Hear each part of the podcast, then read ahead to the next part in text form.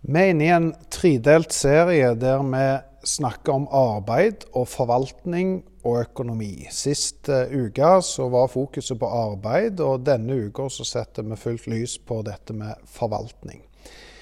Eh, kan gjerne kalle overskriften 'Skapt for forvaltning'. Eh, nå er den litt upresis, fordi at først og fremst er vi jo ikke skapt for å forvalte. Vi er skapt fordi at Gud elsker oss, og Bibelen lærer oss tydelig at eh, Gud er kjærlighet. og Derfor så skaper Gud i kjærlighet, og hensikten med å skape oss, det er å elske oss. Det er ikke å bruke oss, men det er å rett og slett være i fellesskap med oss. Men Samtidig så tror vi at kjærligheten gjør at vi som mennesker ønsker å ligne Gud. Vi ønsker å være fruktbare, vi ønsker å bli mange. Vi ønsker å fylle jorden og forvalte den sånn som Gud ga oss i oppdrag i, i første Mosebok allerede fra kapittel 1. Derfor så går det an å si at vi òg er skapt for forvaltning. Eh, og Sist gang så pekte vi på dette at i skapelsesberetningen så møter vi en skapende og en arbeidende Gud. Gud former mennesket av støv. Eh, han bygger en hage. Gud introduseres som både bonde og som gartner. og Det står eh, mot slutten av kapittel 1 og inn i kapittel 2 i første Mosebok at Gud fullførte sitt arbeid Eh, seks dager arbeida han, den syvende dagen så hvilte han.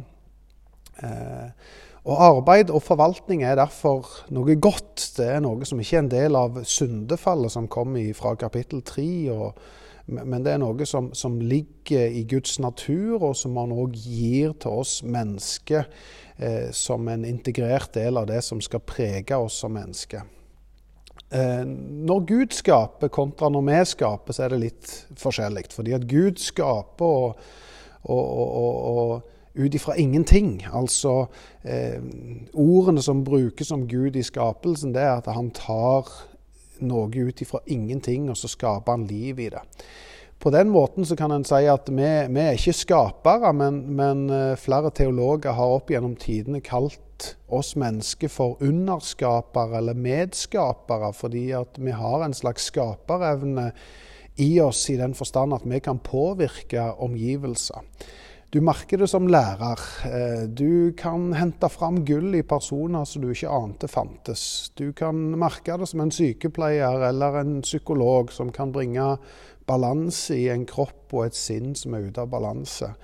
Du, du, kjenner det som organisator at du evner å skape orden i kaos. Eller som en kunstner at du, du skaper noe som blir et fryd for øyet. Eller en, en, en, musiker som skaper noe som blir et fryd for øret. Eh, eller en businessmann som skaper verdier som den får til å, blomstre i alt dette så, så, så, ligger dette i oss da, at vi som mennesker er i stand til å påvirke, og vi er i stand til å forme. Og det gjør at vi blir, får en unik rolle i, i, uh, i skaperverket med å være forvaltere. Det er en integrert del av det å være et menneske. At vi både skal arbeide, men òg at vi skal forvalte. Og Dette ansvaret er betrodd oss Eh, og når alt kommer til alt, så er det vel de to tingene som kommer til å stå igjen. Eh, Bibelen sier det rett og slett sånn at eh, den dagen du skal stå ansikt til ansikt med Gud, så er det to spørsmål som kommer til å stå igjen. Det første spørsmålet, det viktigste, det er hva gjorde du med min sønn Jesus Kristus? Men det andre spørsmålet, som Bibelen òg er like tydelig på, det er hva gjorde du med dine talenter? Hva gjorde du med dine evner? Hva gjorde du med dine ressurser? Og Dette spørsmålet handler jo om å forstå seg sjøl som en forvalter. Forvaltning er et guddommelig prinsipp. Og Jesus plukker dette stadig opp i sin undervisning gjennom at han bruker lignelser. Jesus talte jo stort sett i lignelser. Det er jo illustrerte fortellinger som, som han bruker for å synliggjøre og forklare et dypere liggende poeng. Og av de 38 lignelsene som Jesus gir til både disiplene og tilhørerne da, og som, som, som, gjelder for oss i dag, så er det interessant å se at ca. halvparten av de handler direkte eller indirekte om forvaltning. Det greske ordet på, for forvaltning er økonomos. Eh, og det ligger jo veldig nært opp til det vi kan kalle en økonom, eller rett oversatt så er det en husøkonom. Så dette har jo selvfølgelig med økonomi å gjøre, men det har generelt med verdiforvaltning å gjøre. Og 1. Peterbrev kapittel 4 vers 10 så står det sånn som dette, og hør godt etter, for dette er essensen av det å være en forvalter. Tjen hverandre. Vær med den nådegave han har fått, som gode forvaltere over Guds mangfoldige nåde. Altså sier Peter tydelig her at det finnes en mangfoldig nåde. Det finnes en mangfoldig verdi, en mangfoldig kapital, som vi skal være gode forvaltere av. Den mangfoldige kapitalen vi besitter som mennesker, det er jo at vi har talent. Det er at vi har tid. Det er at vi har relasjoner, eiendeler, erfaringer, utdanning. Og dette sier altså Guds ord at vi skal bruke eller være gode forvaltere av denne Guds mangfoldige nåde. Og av de 16 lignelser som handler om, eh, om forvaltning, så, så, så, har de litt ulike overskrifter. I Matteus 18 så står det om den ubarmhjertige tjeneren. I Matteus 21 står det om vinbonden og arvingen. I Matteus 24 om den kloke tjeneren. Matteus 25 om talentene. Lykkes 12 om den rike bonden, lykkes 16 om den kloke forvalter, og lykkes 18 om pundene. Kunne fortsette osv. videre. Men det grunnleggende er at disse lignelsene, selv om de har litt ulike poeng, så har de en grunnleggende lik oppbygning. Det er tre elementer som går fram i hver av disse lignelsene. Det er for det første at det finnes en verdi. Og For det andre at det finnes en eier, og for det tredje at det finnes en forvalter. Eieren er opptatt av klok og god håndtering av verdien. Det skal være til velsignelse for mange.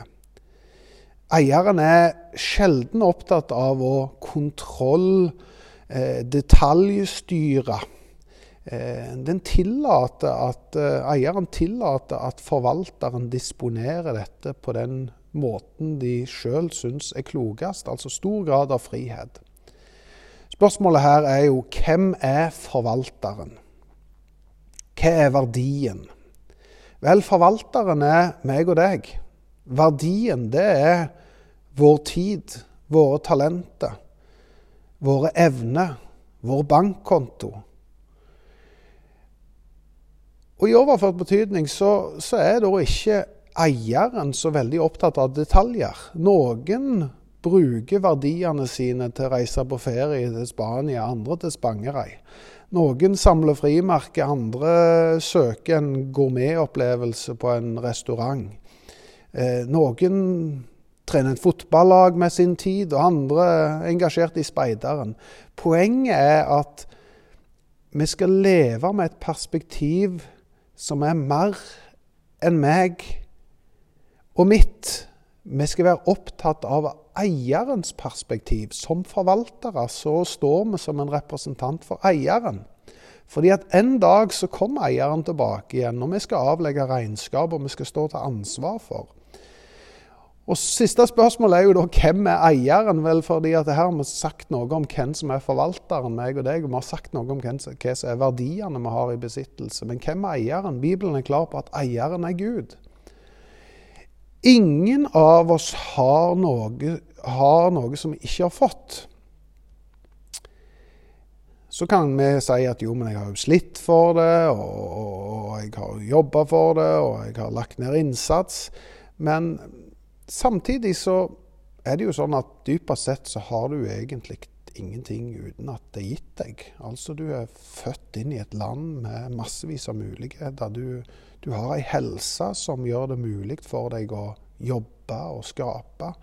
Du har energi som gjør at du har pågangsmot og kan få til ting. Eh, alt dette er jo gitt deg, og, og, og Bibelen sier at alt er av nåde. Denne mangfoldige nåden som vi står i, den er vi satt til å tjene hverandre med. Bibelen er tydelig altså på at Gud gir meg tillit. Jeg er en disponent på hans vegne. Jeg er en forvalter. Forutsetningene våre kan være veldig ulike. Mye talent, lite talent. Vi kan være i ulike sesonger av livet. Vi kan ha ulike kapasitet. Det har med alder å gjøre, det kan ha med helse å gjøre.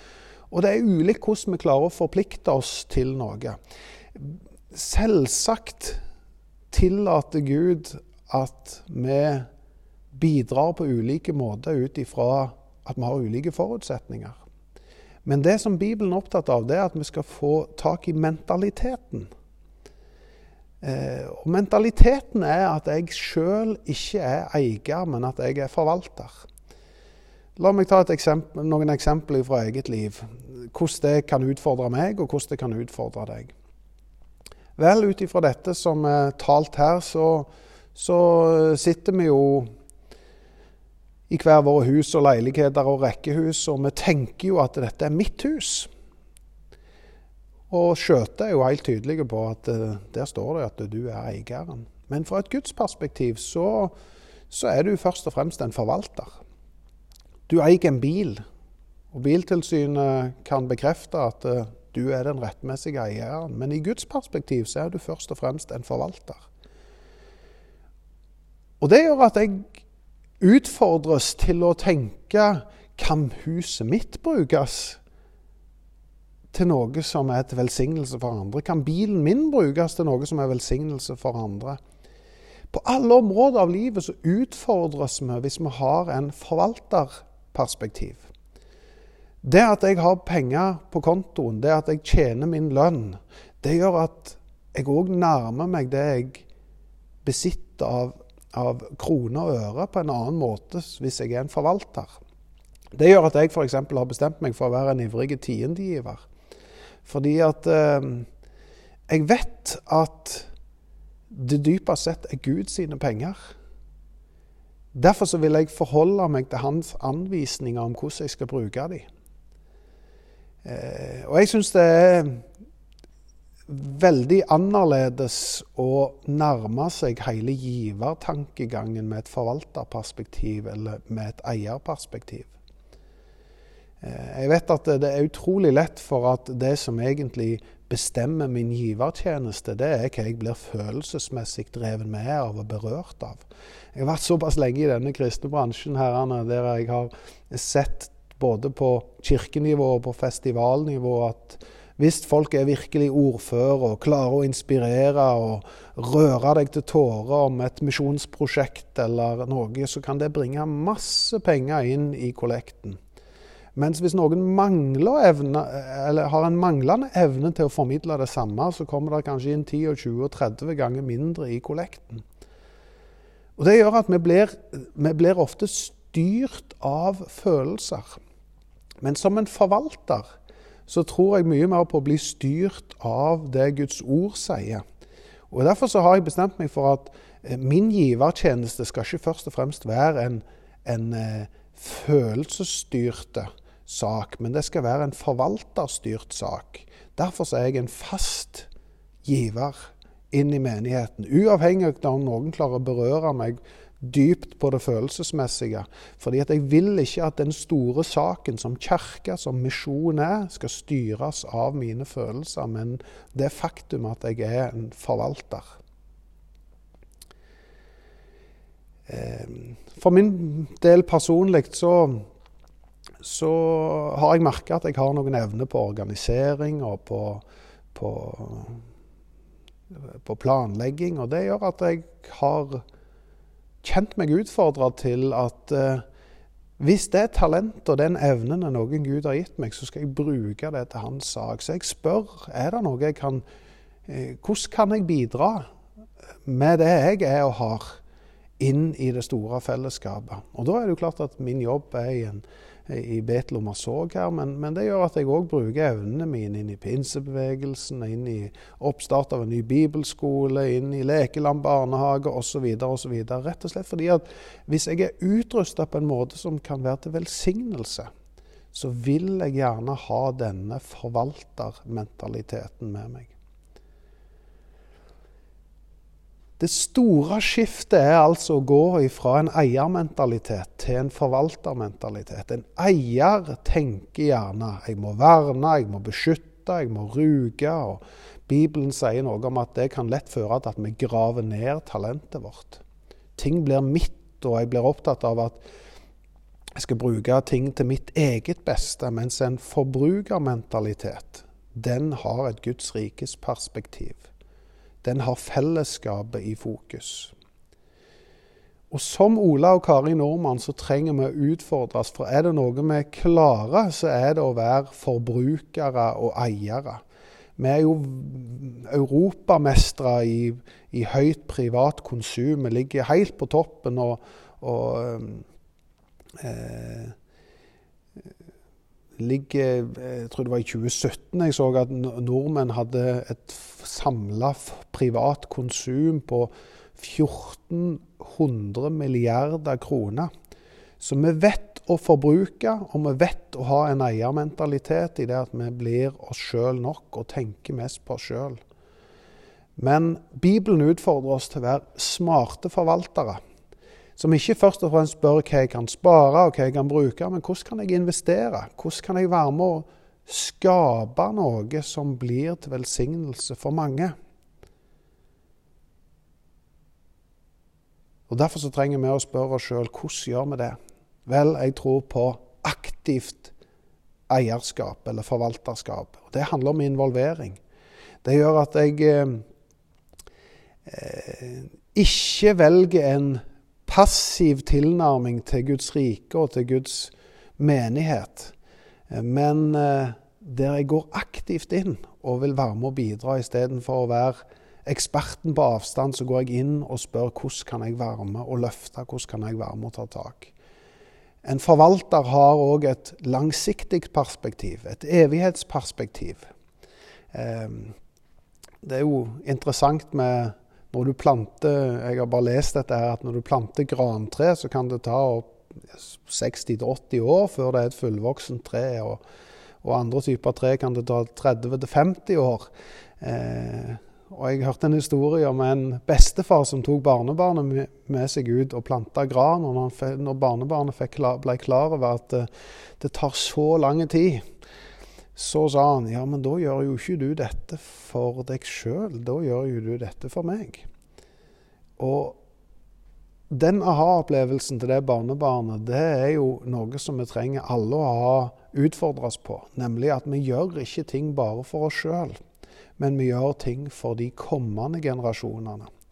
Vi ønsker i et forvalterperspektiv å sørge for at det finnes menighet, ungdomsarbeid og barnearbeid for generasjonene som kommer. Vi ønsker at jorda skal blomstre, og vi skal gi den videre til neste generasjon. og Derfor så tenker vi som forvaltere, både i samfunn og i menighet. Den utfordringen jeg vil eh, gi helt til slutt her, det er å se på livet ut ifra et forvalterperspektiv. Eieren er Gud sjøl. Verdiene Gud har gitt deg, med evne, gaver, talenter og kroner og ører, det er vi først og fremst forvaltere av.